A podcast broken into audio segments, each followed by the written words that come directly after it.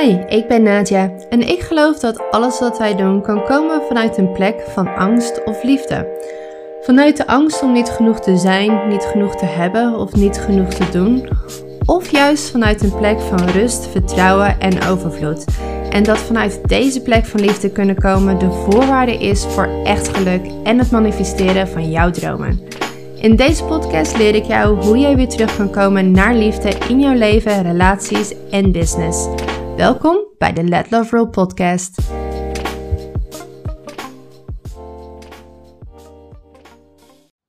Welkom, welkom bij een nieuwe aflevering. In deze aflevering gaat over iets wat ik helaas veel zie gebeuren en waarvan ik denk dat het echt, echt belangrijk is om het over te hebben.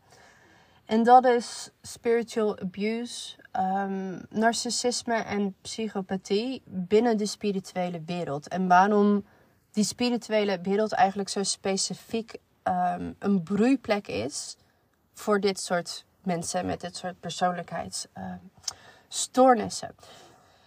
voor mij is het een heel groot topic.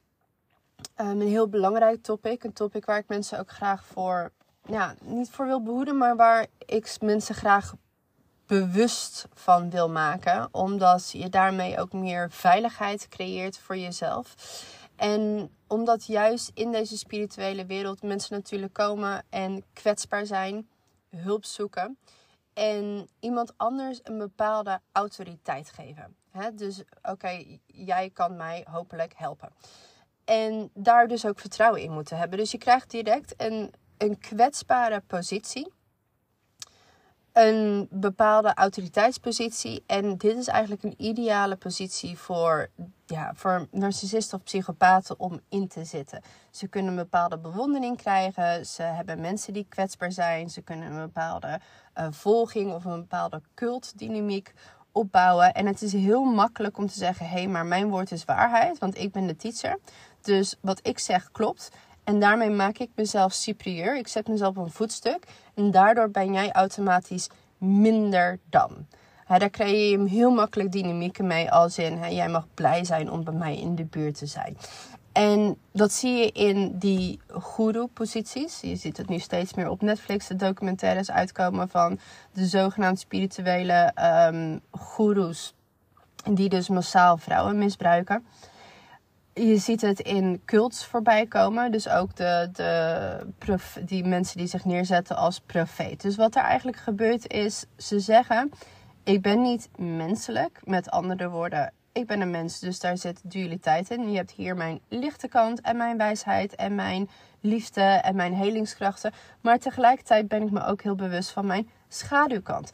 Dat ik soms onzeker ben, dat ik soms jaloers ben, dat ik soms um, me awkward voel, dat ik um, soms graag de redder wil zijn. Al die schaduwkanten en die processen en het trauma wat er nog zit, zijn er ook en mogen er zijn. En daarmee zet ik mezelf niet boven jou. Nee, ik ben een mens en dus een gelijke. Daarmee creëer je een gezonde dynamiek. Nee, wat zeggen zij? Ik ben alleen maar licht. Nou, dat kan überhaupt niet. En mijn schaduwkant, die is er niet meer. Als mensen dat voordoen, run. Echt ren. Zo hard als je kan. De andere kant op. Oké? Want dat kan niet. Dan ben je geen mens meer. Dus het enige wat dat zegt is dat ze de schaduw nog veel verder de schaduw in hebben geduwd. Want die mag er niet zijn. En wat gebeurt er dan? Al dat trauma, al dat ego, al dat um, macht willen hebben, uh, stoornissen zoals narcissisme, zoals psychopathie, kunnen gewoon echt een feestje vieren. Want alles wat in de schaduw zit, ja, kan gewoon zijn gang gaan. Dus als je dat niet kan claimen, en als dat soort mensen die niet kunnen claimen, en die doen zich voor als een soort goeroe, verlicht, profeet, krijg je dus heel makkelijk, niet altijd, maar wel heel vaak, dit soort dynamieken. Die worden om een hele gevaarlijke machtspositie neergezet of zetten zichzelf daar neer.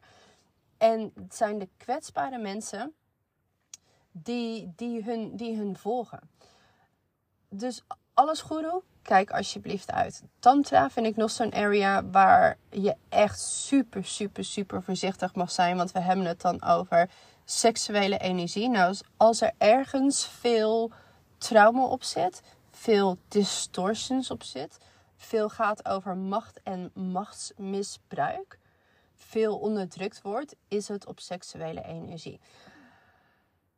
Als je dat speelveld ingaat, en ik, ik echt, I love tantra, en, en waar de tantra teachings in zuivere vorm voor staan, is geweldig. Maar kijk alsjeblieft uit. Want hier gebeurt heel erg veel. En hier wordt heel veel gehertraumatiseerd. En hier zijn heel veel, toch voornamelijk mannen, die hier gebruik van maken. Zeker als ze de tantra-teacher zijn. Het is heel makkelijk om hier ook manipulatie op los te laten.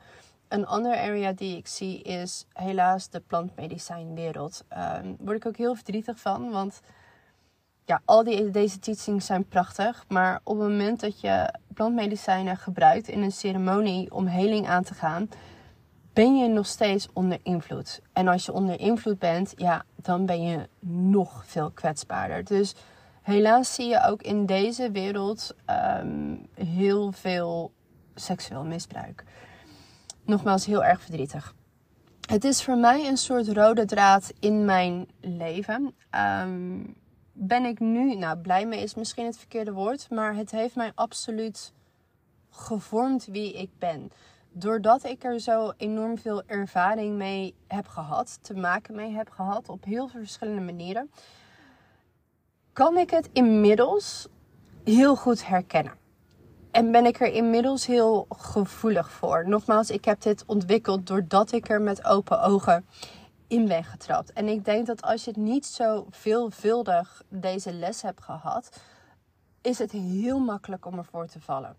Want echt, ze zetten maskers op van goedheid, van, van ze spelen zo sneaky in op dingen die jij wilt horen, dingen die jij wilt zien, dat eigenlijk alle subtiele lagen eronder, want er zijn altijd signalen. Je lichaam weet het altijd, je intuïtie weet het altijd. Eigenlijk wegvallen. En we ze willen volgen, we erin willen geloven. En daarom denk ik dat het gewoon belangrijk is om deze podcast ook op te nemen. Om hier meer bewustzijn naartoe te brengen. Zodat er hopelijk ook, ja, wie weet, ehm, minder slachtoffers vallen. Um, zelf ben ik opgegroeid met een vader met een persoonlijkheid. Of met, een, hij was bipolair, wisten we pas veel later. Um, ook zeer, zeer, zeer getraumatiseerd. Um, verslaafd aan nou ja, meerdere dingen.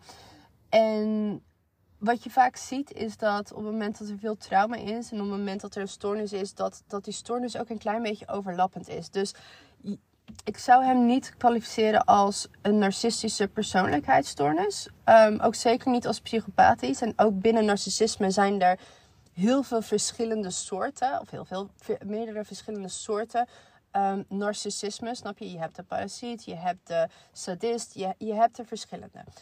Maar het is altijd een spectrum. Mijn vader had narcissistische trekken, um, parasitaire trekken. Dus daar ben ik al mee opgegroeid. Ik ben al opgegroeid met de, de predator-energie. Um, met heel veel onveiligheid. En op een gegeven moment kwam er ook weer nog een mannelijke caregiver die ook uh, bepaalde abuse richting mij had. Dus wat ik deed, onbewust, was dat ik dat ging dupliceren. Dus mijn eerste relatie toen ik 16 was, was echt met een klassieke psychopaat dat uh, eindigde ook echt in een hoop drama, in een rechtszaak, in kidnapping, in, in heel veel abuse op mentaal, fysiek en seksueel niveau. Heel traumatiserend. Heb ik ook, nogmaals, dit soort zijn wel dingen die mij heel erg gevormd hebben. Vervolgens kwamen er binnen de familielijn van mijn vader nieuwe partners. Wat twee keer narcissisten waren waar ik mee te maken had toen iedereen overleed. En iedereen met de erfenissen vandoor wilde gaan. Nou, dan krijg je die strijd. Dan krijg je ook met die energie te maken. En ik heb er ook nog een keer mee te maken gehad toen ik ermee in een relatie zat. In mijn allerlaatste relatie voordat ik echt mijn eigen heling aanging en uiteindelijk Robbie ontmoette. En dat was een narcissist die het spirituele masker op had. Ehm, heel, een, ja, het is een heel uh, gevaarlijk masker omdat op het moment dat het spirituele masker er is, we eigenlijk al vaak denken: oh, maar dan is die goed. Als iemand spiritueel is, of daarmee bezig is, of het, het over de engelen heeft, of um, dat soort termen uitkraamt, dan, dan ben je een goed persoon. En daar viel ik ook totaal voor. Ik dacht, ik had echt een ritme, dynamiek. En hij was de redder. Maar dat was hij eigenlijk. Hij was het tegenovergestelde. Hij was volledig de dader. Maar deed zich voor als de redder. Dat was eigenlijk de dynamiek waar ik toen in viel. Dus nogmaals, er valt zoveel over te zeggen. Ik zou hier tien podcasts over op kunnen nemen. Maar er, is, er heeft zich iets voorgedaan een maand geleden dat zo interessant was. En wat ik eigenlijk wil vertellen, omdat ik toen zo bewust de verschillende processen die tegelijkertijd spelen heb meegemaakt. En hopelijk door dit te vertellen, kan je het bij jezelf zelf ook beter gaan herkennen. Maand geleden heeft een vriendin van mij, een van mijn beste vriendinnen hier op het eiland, een mushroom ceremonie georganiseerd. Die had ik al een keer eerder met haar gedaan.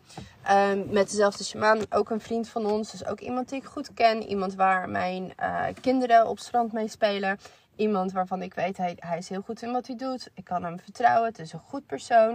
Um, een ander iemand die werd uh, ingehuurd of ingehuurd, die meedeed, was iemand die uh, ook mijn healing sessies doet, die mijn acupunctuur doet. Dus mensen die ik vertrouw mensen waarvan ik weet dat ze goed zijn. Dus het was een hele, nogmaals, veilige setting waarop ik ja zei. Dus nogmaals, vaak wat er dan gebeurt is: cards down. Oh, dat zijn mijn vrienden. I'm all good. En ik reed erheen. Dat, dat is dan elke keer s'avonds. Heel vervelend. Ik zou willen dat het overdag was, want slaap. Maar goed, dat begint dan pas om een uur of acht. Dat is eigenlijk mijn bedtijd. Dus ik zat al een beetje mokkend in de auto van waarom moet dat nou altijd zo laat zijn? het was al donker. Ik reed erheen en het was op een plek in Ibiza, dat noemen ze Crystal Mountain. Een hele bijzondere plek. Uh, een hele berg vol met de meest grote, geweldige, bijzondere kristallen. Ik zou heel die berg wel willen opkopen. Of in mijn, in mijn huis willen zetten. Maar goed, daar hebben ze dus ook een jurt staan. Zo'n soort ronde, mooie uh, houten tent en daar was de ceremonie in. Nou, ik was al vier keer verkeerd gereden, want nou ja, Ibiza, al die kleine dirt roads en stenen weggetjes en, en dat ik dan in Google Maps weer niet kan zien of dat links of rechts is. Dus ik had al vier keer de verkeerde afslag genomen. Kwam eindelijk aan, te laat uiteraard. Zette mijn auto neer. Ja, ik had dan zo'n soort opluchtingsgevoel van, I made it. ik ben er. En direct daarna kwam er een andere auto aan en die parkeerde recht naast mij. Dus in mijn hoofd dacht ik al gelijk: oké, wacht even, deze auto um, hoort bij deze ceremonie. Anders kom je niet op dit tijdstip op deze gekke plek aan. Waar, hoogstwaarschijnlijk. Of het zijn mensen die hier wonen, ik weet het niet. En dit gebeurt er dan vaak als er iets of iemand aankomt. In een split second verzamelt ons hoofd informatie ons hoofd neemt heel veel shortcuts, omdat het zoveel informatie is, om zo snel mogelijk een oordeel te maken. Hè? Goed, fout, uh, veilig, onveilig. Um, we, we scannen onze omgeving. En dat deed dus automatisch ook. En die auto die daar naast mij parkeerde, ik heb totaal geen verstand van auto's. Ik heb totaal geen interesse in auto's. Maar zelfs ik kon zien dat deze auto extre extreem shiny en, en duur was. Dus ik dacht, oké, nou, scan, scan, scan. Oké, ik weet niet wie dit zijn, maar het zijn mensen met belachelijk veel geld. Want dit is echt een belachelijk dure auto. En waarschijnlijk doen ze mee aan de ceremonie. Dat was tot nu toe de informatie die mijn brein kon verzamelen. Dus ik stap die auto uit. Uh, doe de deur open. Ik pak mijn, mijn deken, mijn kussen, want je blijft daar dan slapen. En in die auto naast mij gingen de deuren ook open. En er stapten twee mannen uit. Eén witte man met een hoodie, uh, met een capuchon op. Dus ik kon hem niet zo goed zien. En één andere man, kleiner. Hij liep een beetje raar. En ik kon ze niet zo goed zien. Dus ik kon eigenlijk alleen nog maar in, invoelen op de energie. Ik vond het heel gek, want ze keken mij ook niet aan. Dus ze maakten geen contact. Ze zeiden geen er was geen opening om, om makkelijk gedachten te zeggen. Maar mijn lichaam reageerde direct met een, met een shock bijna. En die zei eigenlijk gelijk: dit is onveilig. Nou, als ik één ding heb geleerd, als ik één ding mag meegeven, is dat je intuïtie altijd alles weet. Ja, onbewust en je onderbewuste communiceert met je lichaam, weet je altijd alles al. Het is alleen de andere processen en het ego die dat overriden als het ware. waardoor dat gefluister of het subtiele van de intuïtie weg wordt gedrukt.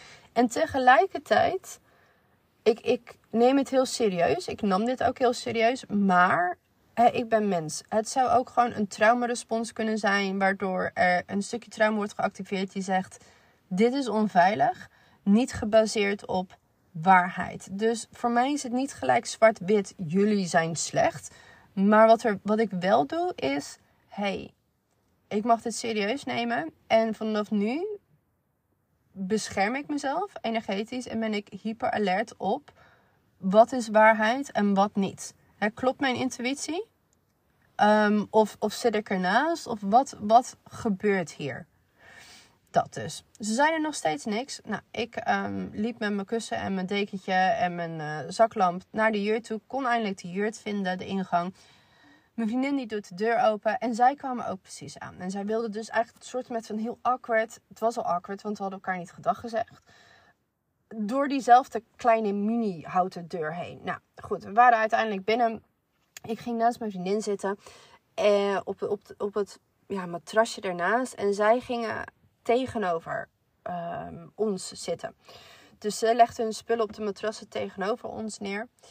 En ik ging met haar, met haar zitten en wij begonnen natuurlijk gelijk te kletsen over 101 dingen. En ze draaide zich om en ze kwamen gelijk naar ons toe. Dus nu wilden ze dus wel heel graag praten. Hoi, ja, in het Engels dan. Hey, can we, can we sit with you guys? Ja, nou ja, mijn vriendin is heel uh, extravert, heel sociaal. Dus die zegt, ja, leuk, gezellig, kom erbij. Nou, ik was iets minder enthousiast, maar ik dacht wel, oké, Nadia, laat ik even niet socially awkward zijn, laat ik me gewoon als een normaal volwassen persoon gedragen. Maar heel eerlijk, eigenlijk had ik er helemaal geen zin in. Ze gingen zitten en um, hij ging. De witte man bleek dus een man te zijn die voor die andere man kwam. En die andere man uh, leek op Mr. Miyagi. Dat is eigenlijk de beste omschrijving die ik kan geven. Hij had een robotlek een, een kunstbewegend been, uh, een snorretje. Uh, echt een ja, Mr. Miyagi uiterlijk. Hij was Frans. En hij begon al heel snel uit te leggen van... joh, ik, um, ik doe een retreat en ik ben een spiritual teacher. En ja, nee, ik ben firm. Niet zoals Greg, dus de man die deze ceremonie zou leiden en er nog niet was. Hij zette zich eigenlijk gelijk een beetje boven Greg. Nee, ik ben veel firmer en bla bla bla bla. Nou, heel veel bla bla bla bla. Ik dacht, oké wat gebeurt hier eigenlijk nou allemaal? En wat zeg je nou eigenlijk allemaal? Dus ik dacht, ik stel, ik stel deze man een vraag. En ik ga eens even kijken wat er gebeurt als ik een interactie met hem had. Want ze kijken allebei naar Erin, mijn vriendin, en niet naar mij. Ik was natuurlijk ook wel heel erg afgesloten, dus dat is niet zo heel erg gek. Dus ik keek hem aan, Mr. Miyagi, en ik zeg van, goh, maar wat doe jij precies? Nou, toen kwam het, um, hij maakte zich eerst energetisch groter. En hij blies zich eigenlijk een beetje op. En het was heel poef, heel rechtlijnig. Ja, uh, allemaal fancy spirituele woorden. En uh, there is one way and there is only one way. And people, people need me and I need to guide them. Nou, wat er bij mij dan gebeurt zijn direct drie red flags. Ten eerste word salad. Ik gebruik heel veel indrukwekkende klink, indrukwekkend klinkende spirituele woorden. Maar ik zeg eigenlijk gewoon helemaal niks. Word salad. Wat er dan bij mensen vaak gebeurt is, oh, uh, dit klinkt heel boeiend en ik zal het waarschijnlijk wel nog niet gebruiken. Terwijl eigenlijk die vent zegt gewoon helemaal niks zinnigs in dit geval. Wat er vervolgens gebeurt is dat ik denk, oké, there is only one way.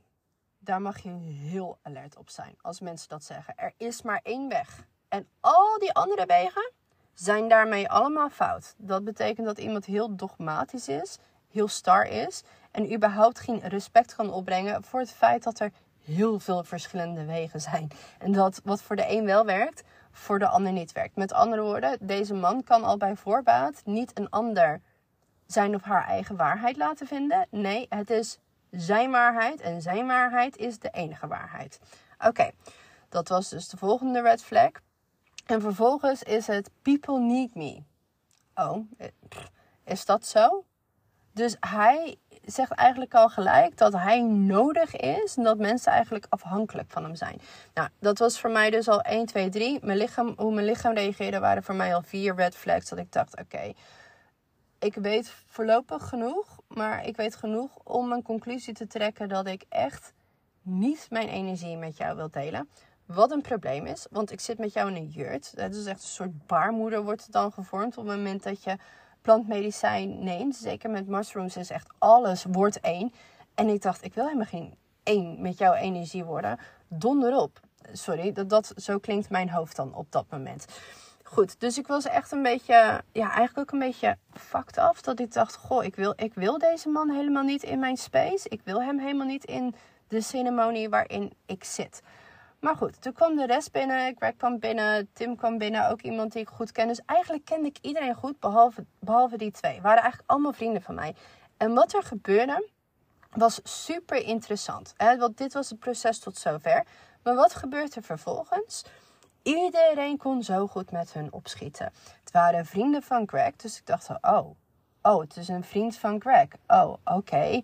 Het is een kennis van Greg. Ja, Greg heb ik wel heel hoog staan. die, die man is ook supergoed. Ja, Greg is wel een heel goed persoon. Erin, dikke vriend, dat is een van mijn beste vriendinnen, dikke vrienden met ze. Dipika, ook een, een healer die ik, ze is geweldig. Ze is zo freaking goed in wat ze doet. Dikke vrienden met ze. Ja, en wat gebeurt er? Ik begon uiteraard aan mezelf te twijfelen. Van ja, oké, maar ik ben dus duidelijk de minderheid. Sterker nog, ik ben de enige die hem niet moet. Terwijl al die anderen, die ik ook echt zie als een expert, als een autoriteit, als mensen die ik vertrouw, vinden hem allemaal ook heel leuk. Zijn, kunnen goed met hem opschieten, zijn zelfs onder de indruk van hem oh wauw, wauw, wauw, zei ze, zei, zei hij is zo powerful. En ik dacht alleen maar, ik, ik, vind, hem, ik vind hem een, een griezel. En hij ging er ook heel lekker op, snap ik natuurlijk, dat iedereen hem heel leuk vond. En, maar op een moment, en dat was even iets wat ik nog wilde vertellen, dit is ook heel interessant. Hij zei dat tegen mij, van dit en dat en dat is wat ik doe. Ik heb geen pokerface, dat weet ik ook van mezelf. Bij mij is het echt, what you see is what you get. En ik was gewoon duidelijk niet onder de indruk van zijn verhaal. Dus ik, ik, ik reageerde energetisch ook niet met, oh wauw, oh. Ik was gewoon echt non-impressed. Ik zei, oh oké. En er was een micro-expressie in zijn gezicht. Micro-expressies zijn heel interessant. Want als iemand niet zijn of haar authentieke zelf laat zien. En dus een uh, masker op heeft. En mensen die narcistisch of psychopathisch zijn, zijn echt meesters in deze maskers. Het is, het is heel moeilijk om er doorheen te prikken. Maar de micro-expressies zijn vaak de manieren waardoor ze door de mand vallen. En ik zag in hem een, gewoon echt een split second zag ik een schrik. Hij schrok ervan dat ik niet meeging in zijn verhaal. Ik zag een angst. En hij, hij sloot zich ook, hij bleef ook direct bij mij uit de buurt. Toen dacht ik, oké, Oké, in, interessant. Wat het ook bijvoorbeeld zou kunnen zijn, is dat op het moment dat je iemand um, met iemand praat en jij bent aan het lijden op een of andere manier, misschien door zijn of haar toedoen en iemand doet het voor alsof hé, hey, maar dat was jouw eigen schuld, of iemand doet zich voor alsof diegene heel veel medelijden heeft, maar dan kan je bijvoorbeeld soms in een split second een stukje enjoyment zien, genieten. Dat zijn de sadisten ze vallen altijd ergens door de mand. Maar je moet hyper alert zijn op expressies, op wat er gebeurt in de energie. En dat kan je trainen. Goed, we gingen dus die ceremonie in.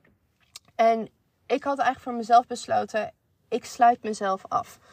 Um, het voordeel van in een huishouden opgroeien, wat die heel ongezond is, is dat ik als kopingsmechanisme um, heb geleerd om me energetisch super super goed af te sluiten. Echt gewoon hermetisch kan ik mezelf afsluiten. Als ik mijn energie niet wil delen met iemand, ook al woon ik daarmee in hetzelfde huis, ook al zit ik daarmee in dezelfde jurt, je bent er niet voor mij. Dus dat, dat, die art heb ik totaal onder de knie. Heb ik tien jaar beoefend zelfs. Dus dat deed ik gelijk. Ik trok de muur op. Ik dacht, oké, jij bent er niet. Dit is mijn energetische space. En ik ga mijn eigen proces in. Maar ik ga mijn energie niet met jou delen. Nou, toen ging die, uh, die ceremonie begonnen. We kregen het medicijn. We kregen nog een keer het medicijn. Iedereen zit dan in het proces. Er gebeurt van alles. Ik heb de deken over mijn hoofd getrokken. En ik ben echt in mijn eigen cocoon gegaan. En heel af en toe, ik hoorde van alles gebeuren. Dus er was heel veel... Um, ja, hoe moet ik het zeggen, masculine geluiden van hun kant. En heel veel gegiegel van mijn vriendinnen, van Eer en van Dipka. En die vonden het heel, hi, en heel grappig. En ik keek en nou, die ene man die zat in zijn onderbroek. Met een hele, beide hadden ze een hele open um, seksuele energie zonder uh, gezonde begrenzingen. Dus echt, ik, ik checkte één keer en ik dacht gelijk, fuck nou. Ik heb die deken over mijn hoofd getrokken. Ik dacht, ik, ik wil hier niet in participeren. Maar wat er vervolgens bij mij gebeurde, was dat het thema van Lone Wolf heel erg werd aangeraakt. Van jeetje, Nadia, waarom moet je als enige hun stom vinden? Of eigenlijk vooral Mr. Miyagi. Het ging me eigenlijk niet eens om die andere man. Het ging me vooral om Mr. Miyagi. Waarom moet je als enige jezelf compleet afsluiten? Waarom gaat iedereen naar rechts en moet jij dan weer per se in je eentje naar links? En enerzijds weet ik nu inmiddels dat dit een van mijn grootste krachten is. Maar het is natuurlijk ook een thema van pijn, van eenzaamheid, van anders zijn, van uh, je onbegrepen voelen. En er kwam heel veel twijfel. En dat gebeurde dus, want enerzijds had ik mijn intuïtie had ik mijn begrip van hé, hey, waarvan mag je, waar, waar mag je voor uitkijken? Wat zijn de red flags? Maar wat er ook gebeurde was dus dat ik rationeel of je, je ego wilt een, een, iemand in een hokje stoppen, wilt een oordeel hebben. En dat is gewoon menselijk, dat doen we.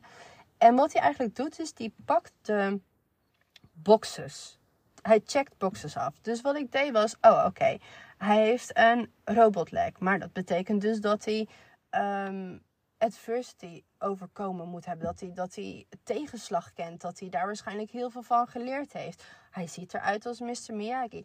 Oh, dat betekent dus dat hij uh, spiritueel heel veel weet. Want dat is het, het stereotype waar mijn ego hem dan eigenlijk in wilt duwen. Um, oh, hij, is, hij heeft blijkbaar heel veel geld. Dus hij heeft, blijkbaar is hij ook heel succesvol in wat hij doet. Dus dan moet hij wel wat nuttig zeggen of wat goed doen. Want anders hè, kan je daar niet zoveel geld mee verdienen. Nou, dan pakte hij die gong en dan ging hij tegen die gong aanslaan. Nou, oh, hij weet hoe hij die instrumenten moet bespelen. Oh, hij doet plantmedicijnen. Ik vind plantmedicijnen geweldig. Oh, maar als hij daarmee kan werken, ja, dan moet hij vast wel weten wat hij aan het doen is. Dus alle boxes checkte hij in, in, in wat, wat, je, wat hij liet zien en, en uh, hoe hij eruit zag als goed en spiritueel. Dus daardoor ga je al heel makkelijk twijfelen. Terwijl energetisch voelde ik iets anders.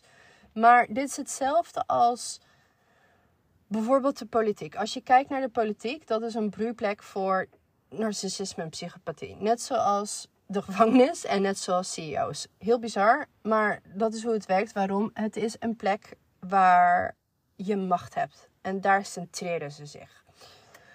En wat je daar vaak ziet gebeuren is, we willen vaak, niet iedereen, maar vaak als vrouw bijvoorbeeld, is een voorbeeld. We willen als vrouw meer vrouwen aan de top zien in CEO's. We willen meer vrouwen in de politiek zien. Ik in ieder geval wel. Want ik geloof dat energetisch we meer feminine energie mogen hebben als tegenhanger voor de masculine energie. Feminine energie staat niet gelijk aan vrouwen overigens. Je kan een vrouw neerzetten die gewoon volledig masculine energie belichaamt. En dan is het leuk dat ze vrouw is. Maar dat zegt verder eigenlijk gewoon helemaal niks. Maar dat vergeten we vaak even. En we hebben een soort met van archetype verhaal door wat we de afgelopen jaren gezien hebben. Van oké, we hebben heel veel machtsmisbruik gezien van mannen. En heel veel onderdrukking van het masculine van naar het feminine toe. Dus naar vrouwen toe. Heel veel uh, seksueel geweld, heel veel abuse, heel veel onderdrukking. Dus het idee wat er dan ontstaat is: oké, mannen hebben toxic masculinity. En vrouwen zijn daar het slachtoffer van. En zijn dus per definitie onschuldig. En is het dus belangrijk dat we een vrouw erin zetten. Terwijl dat is natuurlijk een denkfout. Dat is gewoon weer totaal zwart en wit. Ja, we hebben heel veel mannen aan de macht gezien en heel veel misbruik ervan. Maar vrouwen kunnen net zo goed narcistisch zijn. Vrouwen kunnen net zo goed psychopathisch zijn. Vrouwen kunnen net zo goed in die toxiciteit zitten. En daardoor misschien nog wel gevaarlijker zijn. Want het wordt een, een, een wolf in schaapskleren. Dus als iemand bepaalde boxes checkt van... hé, hey, het is een vrouw. Oh, dat zie ik graag, want hè, feminisme, vrouwen aan de top. Uh, oh, ik um, ben, uh, ben voor inclusiviteit. Of oh, ik ben voor feminisme. Of oh, ik ben voor het klimaat. Wat er dan gebeurt, is weer een andere denkfout. Wij staan voor iets en tegen iets. Het kan zijn dat je bijvoorbeeld in 2020 uh, voor de wappies was en tegen de schapen. Verschrikkelijk die worden. Of, of andersom. Dus er is een voor en een tegen. Het zijn twee partijen die, die tegenover elkaar staan. Wij denken dan direct dat alle mensen die aan onze kant staan, die in ons straatje praten, hè, in, in 2020 termen, uh, de mensen die zeggen: hey, de overheid is gevaarlijk bezig en dit klopt niet, dat die automatisch per definitie goed zijn.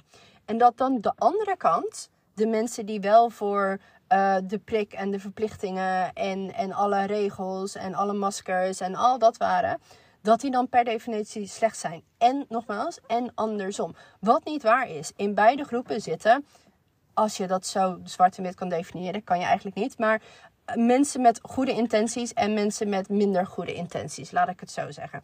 Dus ook in mijn straatje, ik was het niet eens met de overheid, dat, dat heb ik duidelijk laten weten, dat is uh, niet zo'n geheim.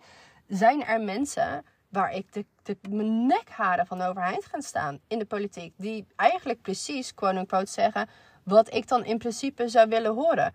Alleen ik zou nooit achter hun staan. Ik zou nooit voor hun stemmen. Dus we mogen dat onderscheid maken. Dus het voorbeeld wat ik noemde, oh vrouw, oh feminist, oh inclusief, oh voor klimaat. Wat er dan gebeurt is, het hoofd zegt check, check, check, check, check. Oh, dan moet zij wel goed zijn. Dat kan niet anders. En alle defense mechanismes, je intuïtie, wordt eigenlijk uitgeschakeld. Terwijl als je zou intunen op niet wat waar iemand voor staat, niet die boxes, maar gewoon puur op um, wat voel ik. Dus niet, hey, ze staat aan mijn kant of ze is tegen mijn kant. Dus het is mijn medestander of mijn vijand. Zo wil dat ego dan denken. Maar gewoon dat allemaal opzij zetten. Puur intunen op energie. Wat voel je dan? En dat kan zijn dat dat heel anders is dan wat jouw ego je wilt wijsmaken. Heel belangrijk proces om dat te kunnen onderscheiden. Dus dat is het brein en hoe het brein denkt en de denkfouten van het brein versus het weten, het kunnen voelen en energie kunnen lezen. Het andere proces wat bij mij gebeurde was dus: hey, ik ben de minderheid. Sterker nog, ik was de enige. En de rest ziet of voelt of doet of handelt het tegenovergestelde als dat ik op dat moment doe. Dus wat gebeurt er dan? Je gaat aan jezelf twijfelen. En behalve dan dat ik alleen de minderheid was, waren het ook nog mensen die ik vertrouwde. En die ik hoog had staan. Die ik hoog heb staan, überhaupt. In hoe ze ontwikkeld zijn, in wat ze kunnen, in wat ze doen. Dus dan wordt de twijfel nog groter. En dat is ook gewoon biologisch. Wij willen bij de groep horen. En dit zie je ook heel vaak als manipulatietechniek. Bijvoorbeeld in 2020 was het, oké, okay, ehm, dan gingen ze van die pols houden. En nou, eerst was het inderdaad, de meeste mensen waren bang. En die, die zeiden van, ho, maatregelen, maatregelen. Maar hoe langer het duurde, hoe meer mensen zeiden, hé, hey, maar wacht even. Maar dit werkt helemaal niet. Of hé, hey, wacht even, dit, dit, dit is niet vol te houden of dit is niet te doen. Maar de polls bleven aangeven, nee, iedereen is het eens met de overheid. 99,9% En wat gebeurt er dan als mensen dat lezen? Oh, wacht even, ik heb twijfels. Maar wat ik voel, zal dan wel verkeerd zijn. Want al die andere mensen voelen wat anders. Dus ik zou wel verkeerd zitten. Ik zou wel een denkfout maken. Of de experts zeggen dit. Oh ja, maar zij zijn de expert. Ik ben geen expert. Dus automatisch, oh maar hè, wie ben ik dan? Ik zit er eigenlijk naast. Dus intuïtie, maar ook gewoon logisch, rationeel nadenken, gaat de deur uit. En dat waren in het klein ook processen die bij mij een klein beetje speelden, waardoor ik kon ze gelukkig observeren. Van, oh wacht even, ik begin te twijfelen, want al deze mensen vinden hun geweldig. Nou, aan het einde van de ceremonie moest dus, ik ging door mijn eigen proces heen van, jeetje, lone wolf, ik voel me daar soms eenzaam in. Waarom ben ik dan weer, weer anders dan de rest van de groep? Waarom moet ik dan weer de andere kant op gaan? En het was eigenlijk gewoon een heel mooi proces om dat te doorvoelen, dat thema te doorvoelen in de ceremonie. En op het einde van de ceremonie was iedereen nou echt, oh my god, thank you, thank you. En oh geweldig dat, dat, dat ik mijn energie met jullie mag delen. En ik, ik lag er nog steeds in mijn cocoon. Ik dacht, oh god. Um, ik heb heel even mijn deken over mijn hoofd afgehaald. En, en heel even met mijn vriendin gesproken. Maar ze waren elkaar allemaal aan het huggen. En ik dacht gewoon weer, ik wil hier niks mee te maken hebben. Heb die deken weer over mijn hoofd getrokken en ben in slaap gevallen. De volgende dag werd ik wakker. En alleen de vrouwen waren er nog en die mannen waren weg. En de, de ceremonieleiders, die waren er ook niet meer. Die waren ook naar huis gegaan. Ik voelde me eigenlijk een beetje opgelucht. Dat ik dacht, oh lekker dat ik niet hoef wakker te worden en gelijk in dat ongemak moet zitten. Dus het was eigenlijk heel relaxed. We hadden een ontbijt. Um, zijn naar huis gegaan. Ze waren nog wel van, oh ja, mag ik hun nummer? En uh, ze hadden hun uitgenodigd voor een lunch bij, bij hun thuis, bij die man thuis. Um, ja, en ik ben eigenlijk gewoon naar huis gegaan. En daar kwam het een beetje op neer. En ik dacht, goh, interessant. Interessant wat hier speelde. Maar oké.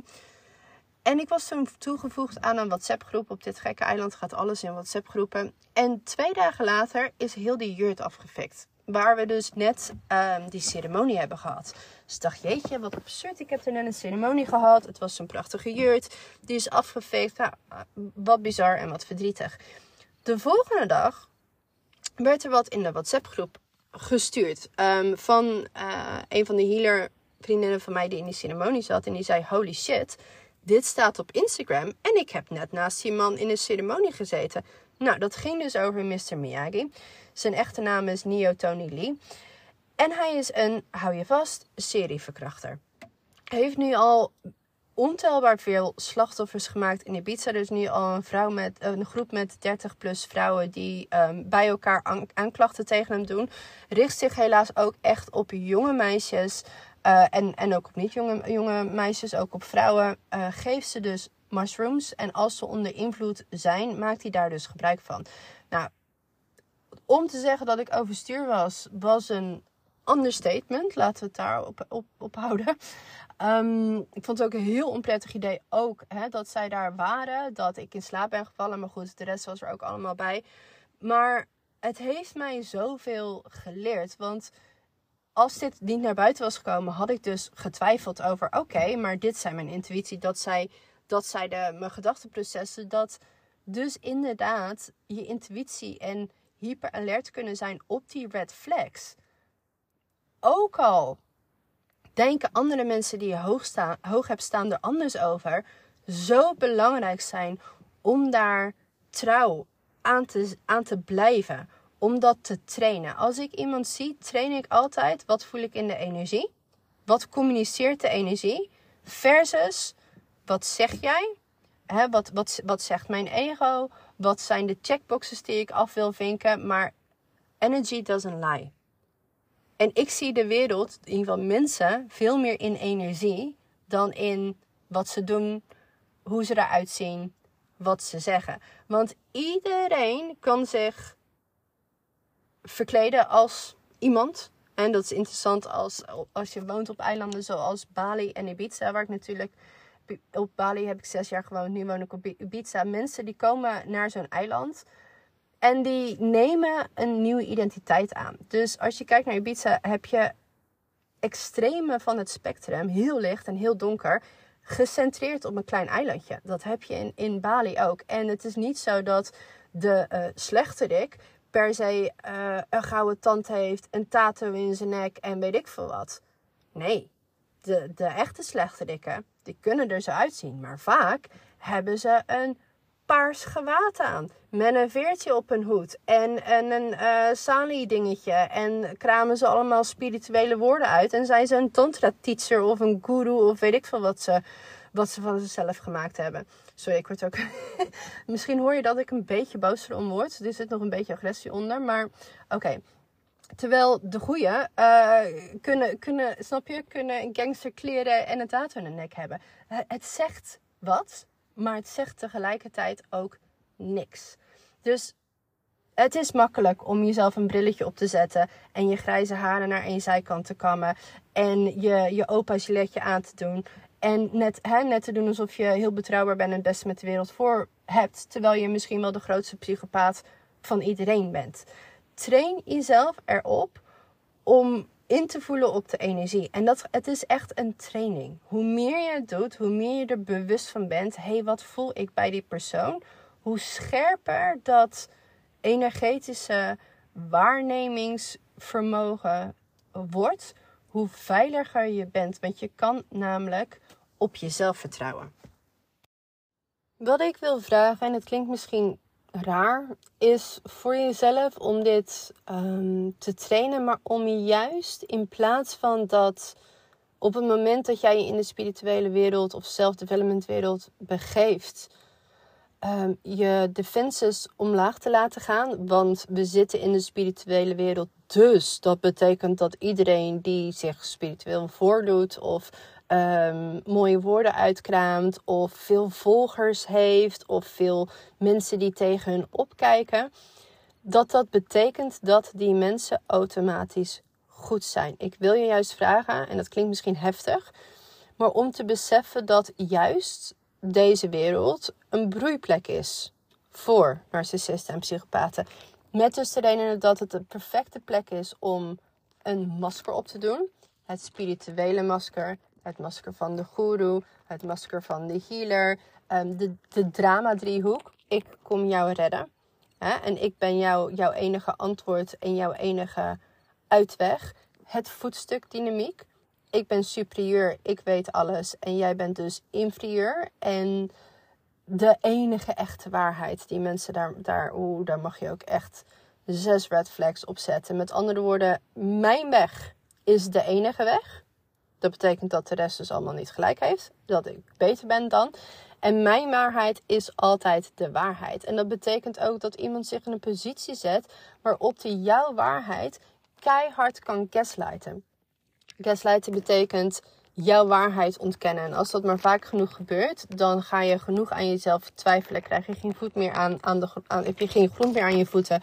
En ben je nog makkelijker om te manipuleren. Dus als er dynamiek is, hey, dit is de enige echte waarheid en jouw waarheid boeit niet, heb je, heb je echt een perfecte grond voor manipulatie en voor hele gevaarlijke dynamieken. En weet dus ook dat je extra alert mag zijn.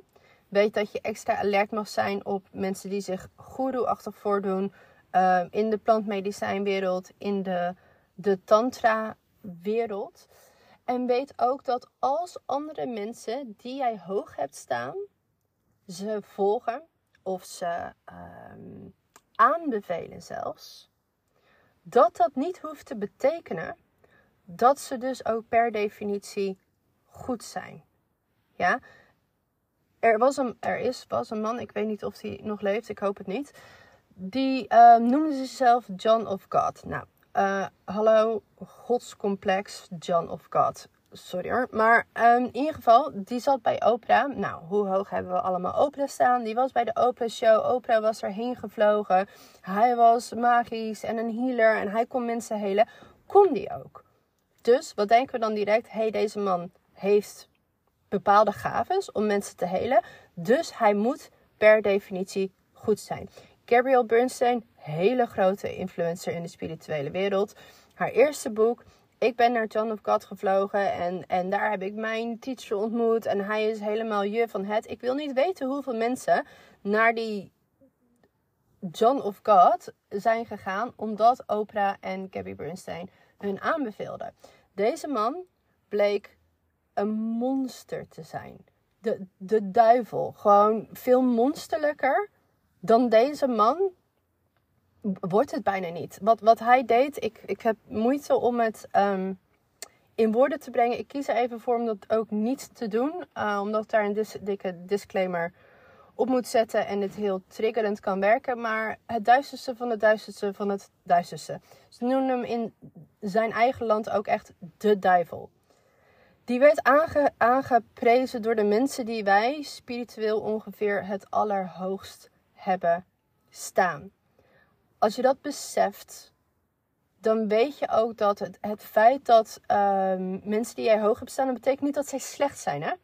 betekent niet dat zij weten dat hij een monster is en hem toch aanbevelen. Nee, het betekent dat zij het gewoon ook niet zien. Dat zij er gewoon ook vervallen. En dat is hetzelfde als met ehm, onze grootste uh, Nederlandse mannelijke spirituele influencer. Ik weet niet hoe die man zichzelf heeft genoemd. Ook trouwens een interessante red flag. Niet per se mensen die zichzelf een goede naam geven. Hoeft niets te betekenen. Het kan ook heel goed zijn dat iemand gewoon echt denkt: deze oude identiteit en de naam die ik heb meegekregen van mijn ouders klopt gewoon echt niet met wie ik ben. Kan iets zijn om voor te waken. Want het kan dus ook zijn: hé, hey, ik neem dus een valse nieuwe identiteit aan in plaats van een meer kloppende. En geef mezelf een interessante, spirituele, fancy klinkende naam voor mijn nieuwe guru imago. Um, hoe heet die man? Hoe heeft hij zich genoemd? Bentino Massi. Ik weet het niet eens. Uh, sigaar in zijn mond, heel groot ego, heel veel volgers. Je kan je afvragen waarom, Nadja, noem jij hier namen? Wanneer ik namen noem, is als ik weet, hé, hey, hier vallen heel erg veel slachtoffers. Slachtoffers die officieel naar buiten komen. Op het moment dat dat gebeurt, dan weet ik dus, dit is, het is veilig genoeg om te zeggen, kijk uit. We mogen dit benoemen, we mogen mensen waarschuwen. Als het één iemand is, dan weet je inderdaad niet wat er speelt. Als die Neo Tony Lee één vrouw had gehad die hem ergens van beschuldigde. Nou ja, goed, met al mijn red had ik dat zeer serieus genomen. Maar dat, dat feitelijk betekent dat natuurlijk niks. Het feit is dat iemand hem ergens van beschuldigt. Als het 30 plus vrouwen zijn alleen op dit eiland en er dus blijkbaar wat nu naar buiten komt over heel de wereld slachtoffers zijn, dan kan je vrij veilig stellen dat statistisch gezien de kans gigantisch groot is dat hij een serieverkrachter is. Mag ik nog steeds feitelijk niet stellen? Doe ik dan ook niet. Maar laten we even statistisch kijken. Dat is gewoon feitelijk, oké? Dus dat is hetzelfde als met die Bentino creep, sorry. Er zijn zoveel verschillende slachtoffers naar buiten gekomen over seksueel misbruik. Iemand die na zijn retreat zelfmoord pleegt. Um, verschillende podcasts. Google zijn naam met in uh, A Little Bit Culty. Daar hoor je ook alle verhalen van hoe de manipulatie werkt, hoe de cultvorming werkt, hoe, um, hoe hij ook mannen mentaal misbruikt, hoe hij mensen hertraumatiseert, hoeveel hij slachtoffers hij maakt. Dus als je weet, hé, hey, er zijn heel veel mensen die echt uh, officieel naar buiten komen met verhalen van misbruik. Statistisch gezien is de kans zo gigantisch groot dat dat waarheid is. En de kans statistisch gezien dat al deze mensen die verhalen verzinnen is vrijwel nihil. Kan ik nog steeds het niet claimen feitelijk, maar ik, ik zeg even wat wel de feiten zijn. Dat ik denk, want vorige podcast hebben we het gehad over, hey, wanneer mogen we dan, dan namen noemen of het over elkaar hebben? Wanneer het echt gevaarlijk wordt. Wanneer je echt denkt, hey, hier vallen heel veel slachtoffers dit is echt gevaarlijk. En als je naar dat profiel kijkt, zie je dus ook heel veel um, in Nederland grote namen die hem volgen. En kan het dus heel makkelijk zijn om te denken: hé, hey, zij volgen hem allemaal. Uh, hij is op grote podcast. Dus dat betekent dat hij met zijn word salad en zijn sigaar in zijn mond uh, vast wel weet waar hij het over heeft. Alsjeblieft, luister naar je intuïtie. Alsjeblieft, ga jezelf trainen op de wet flex en neem het serieus als er meerdere mensen naar buiten komen over misbruik en over abuse en over geweld. En dat kan je niet altijd weten, dat die verhalen er zijn. En dat is denk ik ook, ja, vind ik eigenlijk lastig. Ik heb toen, um, toen misbruik naar buiten kwam van deze man, heb ik het op Instagram gezet. Omdat ik meer slachtoffers wil vermijden. Ik weet dat heel veel mensen naar mijn Instagram kijken, naar mijn stories. Ik heb het nergens herpost gezien. En ik snap dat ergens ook, want ja, het is moeilijk. En, en hè, is dat waar? En jeetje, kom ik dan in een oorlog met deze man terecht? En al dat. Maar wat zou er gebeuren als wel het een domino effect had gehad en wel al deze grote accounts die ook naar mijn account kijken, dit allemaal hadden gepost? Waarschijnlijk was hij dan van die grote podcast verwijderd, waardoor mensen hem nog steeds vinden. Waarschijnlijk waren er dan minder mensen geweest die hem, die naar zijn retreats gaan, die, die zijn teachings volgen. Waren er minder mensen in gevaar geweest. Dus ergens vind ik ook een heel klein beetje dat op bepaalde manieren, als het echt zo ernstig is, we ook een verantwoordelijkheid hebben. En als ik dan zeg we, ja, wie zijn we? Maar goed, als jij een bereik hebt of in deze wereld opereert om mensen ervoor te behoeden. Of op zijn minst om te kijken, hey, deze man staat bijvoorbeeld op mijn podcast of die heb ik ooit aanbeveeld. Klopt dit of is deze man gevaarlijk? En moet ik hem eraf halen en verantwoordelijkheid nemen? hey, dit wist ik niet. Kan je ook niet weten. Maar mensen, kijk uit. En dat is hetzelfde verhaal als: moet ik nu boos zijn op de man die, die Neo Tony Lee heeft uitgenodigd? Is, is het zijn schuld? Nee. Nee, het is niet zijn schuld. Want hoe kon hij dat weten? Niet. Hij kent die man vaag. Hij was op het eiland. Oh ja, ik wil, ik wil wat, uh, een ceremonie doen. Ja, waarom niet? Was het zijn verantwoordelijkheid om een ceremonie te openen die veilig was en zijn verantwoordelijkheid dat hij hem heeft uitgenodigd. Ja, ik ben ook met hem in gesprek gegaan. Hij heeft uiteindelijk ook gezegd van ja, sorry, dit is mijn verantwoordelijkheid. En nogmaals, het is niet zijn schuld. Het zijn twee verschillende dingen. Ik neem het hem dus ook niet kwalijk. Maar hij, het is wel belangrijk dat iemand daarmee verantwoordelijkheid neemt. En ik denk dat dat een klein beetje het verschil is. Dus om antwoord te geven op waar ik het, waar ik vorige podcast ook mee eindigde op het moment dat er dus echt heel veel slachtoffers officieel naar buiten komen, denk ik dat het juist heel erg belangrijk is om het hierover te hebben. En om mensen in deze wereld hopelijk um, een klein beetje veiliger te houden. Plus die veiligheid ligt dus ook bij jouzelf en bij het leren zien van dit soort dynamieken. Nogmaals, de podcast van A Little Bit Culty is hier heel goed voor, want dan kan je echt horen van de slachtoffers zelf hoe dat te werk ging. En jezelf echt trainen om energie te leren lezen. Dat doe je door gewoon constant in te voelen. Door gewoon constant daar intentioneel aandacht aan te geven. En naar jouw eigen intuïtie te leren luisteren en die serieus te nemen. Goed, ik hoop weer dat het op een bepaalde manier waardevol uh, voor jou is geweest. Dat je hier wat mee kan. Dat je hiermee aan de slag kan. Uh, raakt het iets of wil je hier wat over kwijt, mag je me ook altijd een DM sturen. Super fijn als je je abonneer, abonneer, abonneer, zo, op die knop drukt, op de volgknop drukt, zodat je mijn podcast um, ziet verschijnen, zodat ik hem niet eens per se hoef te promoten, maar dat hij gewoon lekker op je feed verschijnt, zodat je het kan blijven volgen. En dan um, ja, tot de volgende aflevering.